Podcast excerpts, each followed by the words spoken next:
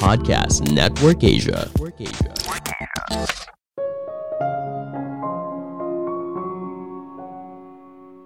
Ada kenikmatan saat menonton akhir cerita yang sedih.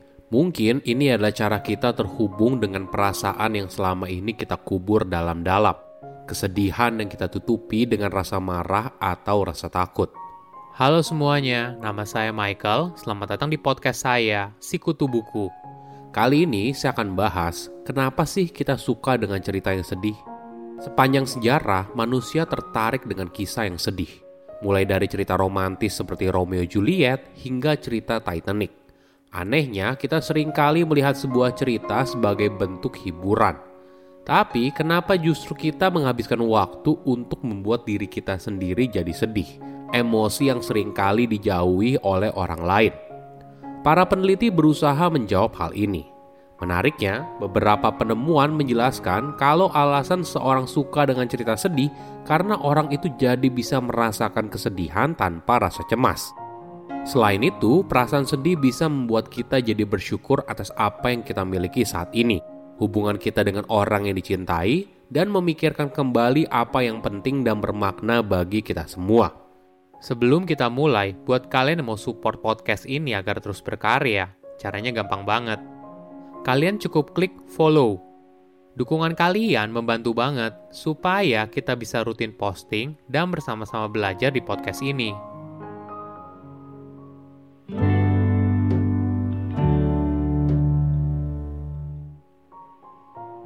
Rasa sedih adalah satu dari empat perasaan utama manusia selain bahagia, takut, dan marah. Perasaan ini mengingatkan kita untuk merawat diri kita sendiri, atau bagaimana kita ingin diperlakukan oleh orang lain. Perasaan sedih tentunya bukan perasaan yang positif dan sering kali merupakan perasaan yang kita hindari. Wajar saja, siapa sih yang ingin sedih? Tentunya tidak kan? Mayoritas orang mungkin memilih untuk bahagia. Namun, jika kamu pernah berada dalam suasana hati yang sedih, mungkin cuaca yang sedang mendung, seorang teman mengecewakan kamu, atau nilai kamu buruk saat ujian, Biasanya hal ini mendorong kamu untuk menikmati sebuah cerita yang sedih. Faktanya, selama bulan-bulan tertentu seperti musim gugur dan musim dingin, melankolis adalah emosi yang umum dan akibatnya jumlah orang yang menonton film yang sedih justru meningkat. Mungkin saja ini merupakan cara kita untuk terhubung kembali dengan berbagai perasaan sulit yang selama ini kita pendam. Jadi, ketika kita berinteraksi dengan cerita sedih, pintu itu ibaratnya terbuka lebar Kenapa hal ini terjadi? Mungkin saja karena kita terbiasa mengubur rasa sedih. Masyarakat sering kali sulit menerima kesedihan dan merasa kesulitan ketika melihat orang lain meluapkan kesedihannya.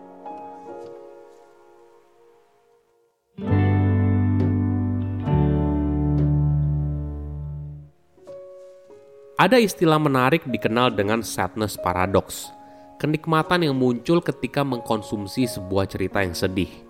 Ketika kita membaca, menonton, atau mendengar sebuah cerita yang sedih, secara otomatis kita bisa merasa sedih, mata yang berkaca-kaca, atau menangis. Misalnya, alunan nada yang mendayu-dayu, akhir kisah tragis di mana tokoh utama meninggal dan tidak bisa bersatu dengan belahan hatinya. Menariknya, akhir yang sedih mungkin saja membuat kita merasa normal. Kita merasa lebih baik karena kita tidak merasakan apa yang dialami oleh si karakter utama tapi kita masih dapat merasakan apa yang mereka rasakan. Melihat karakter tersebut yang sudah berjuang sekuat tenaga namun tetap berakhir tragis, mungkin bisa menjadi pelipu lara bagi kemalangan yang kita alami. Kita adalah pemeran utama dalam cerita kita sendiri, tapi kita tidak selalu beruntung untuk diberikan akhir yang bahagia. Kadangkala kita harus bertahan dalam ketidakadilan dan kesedihan yang tiba-tiba muncul. Mungkin saja kita pernah merasa tidak berdaya dan terjebak dalam keadaan. Melihat sebuah akhir yang sedih membuat kesedihan yang ada di hidup kita sedikit lebih baik. Kita tidak sendirian. Kita bukanlah tokoh jahat yang pantas berada di posisi tersebut. Kesedihan dan tragedi yang kita alami kadang bukan terjadi karena kesalahan kita. Mungkin saja karena kita sedang tidak beruntung Akhir yang sedih mengingatkan kita kalau hidup itu sulit dan kita beruntung apabila masih memiliki kebahagiaan yang kita jalani sekarang. Di sisi lain, akhir yang bahagia kadang bisa terasa jauh. Misalnya kita menonton sebuah film. Di akhir cerita, tokoh utama dipersatukan kembali dengan orang yang dicintainya, lalu mereka hidup bahagia selamanya. Waktu kita kecil, akhir cerita seperti ini mungkin terlihat begitu indah. Namun semakin kita dewasa, hidup kita penuh dengan nuansa, tidak sekedar hitam dan putih, tidak sekedar akhir bahagia dan akhir yang sedih. Mungkin saja ketika kita melihat sebuah akhir yang bahagia, kita justru merasa terhianati. Kenapa? Karena kenyataannya tidak seindah itu. Di dalam hidup, mungkin saja kita berada dalam situasi di mana kita berjuang dari satu masalah ke masalah lainnya.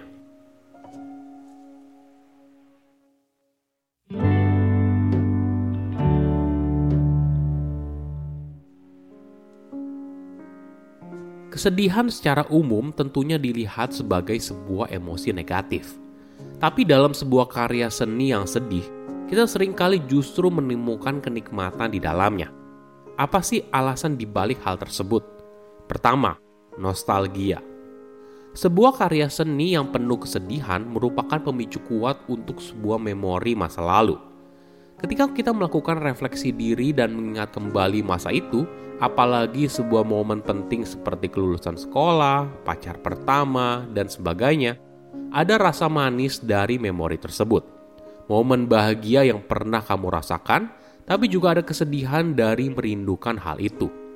Kedua, emosi yang bercampur aduk. Ada yang aneh dari sebuah cerita yang sedih. Filsuf Yunani terkenal bernama Aristoteles menyarankan, ketika menonton sebuah pertunjukan drama yang tragis, penonton mungkin saja mengalami emosi negatif yang hebat. Sehingga pada situasi tersebut, mereka juga menghapus negativitas yang mereka alami. Teori modern juga menemukan adanya kemungkinan kalau kesedihan dalam sebuah karya seni itu berbeda dengan kesedihan dalam dunia nyata. Kesedihan dalam sebuah karya seni, entah itu film, cerita, atau lagu, justru bisa memproduksi emosi positif yang disalahartikan sebagai kesedihan atau kesedihan dalam sebuah karya seni mencampurkan kesedihan dan kenikmatan secara bersama-sama. Tapi karena kesedihan justru bertahan lebih lama, maka pada akhirnya yang kita rasakan itu adalah kesedihan. Ketiga, prolaktin. Jika dilihat dari sudut pandang biologi, cerita sedih terhubung dengan hormon prolaktin yang berkaitan dengan menangis dan membantu kita dalam menghadapi kesedihan. Jadi, ketika seorang berinteraksi dengan cerita sedih, maka hormon ini akan dilepaskan oleh otak. Namun, karena saat itu kita tidak berada dalam peristiwa yang traumatis, maka muncul perasaan tenang untuk menangkal rasa sakit yang muncul. Keempat, empati. Empati mengambil peran yang besar dalam menikmati karya seni yang sedih. Secara umum, empati dapat dijelaskan sebagai proses untuk memahami atau merasakan apa yang orang lain rasakan Ekspresi kesedihan cenderung membangkitkan dukungan dan bantuan pada orang lain. Kelima, teman hayalan. Sebuah karya seni misalnya musik dapat memberikan rasa pertemanan dan kenyamanan.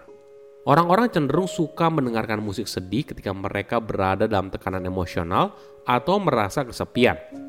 Musik sedih dapat menjelma menjadi teman hayalan yang memberikan dukungan dan empati setelah seorang mengalami kehilangan pendengar menikmati kehadiran seorang secara virtual yang diwakili oleh musik, yang juga berada dalam situasi yang sama dan dapat membantu mengatasi perasaan sedih yang muncul. Saya undur diri, jangan lupa follow podcast Sikutu Buku. Bye-bye.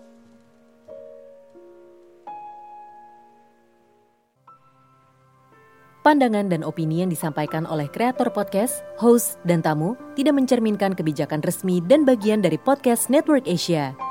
Setiap konten yang disampaikan mereka di dalam podcast adalah opini mereka sendiri dan tidak bermaksud untuk merugikan agama, grup etnik, perkumpulan, organisasi, perusahaan, perorangan, atau siapa pun dan apa pun.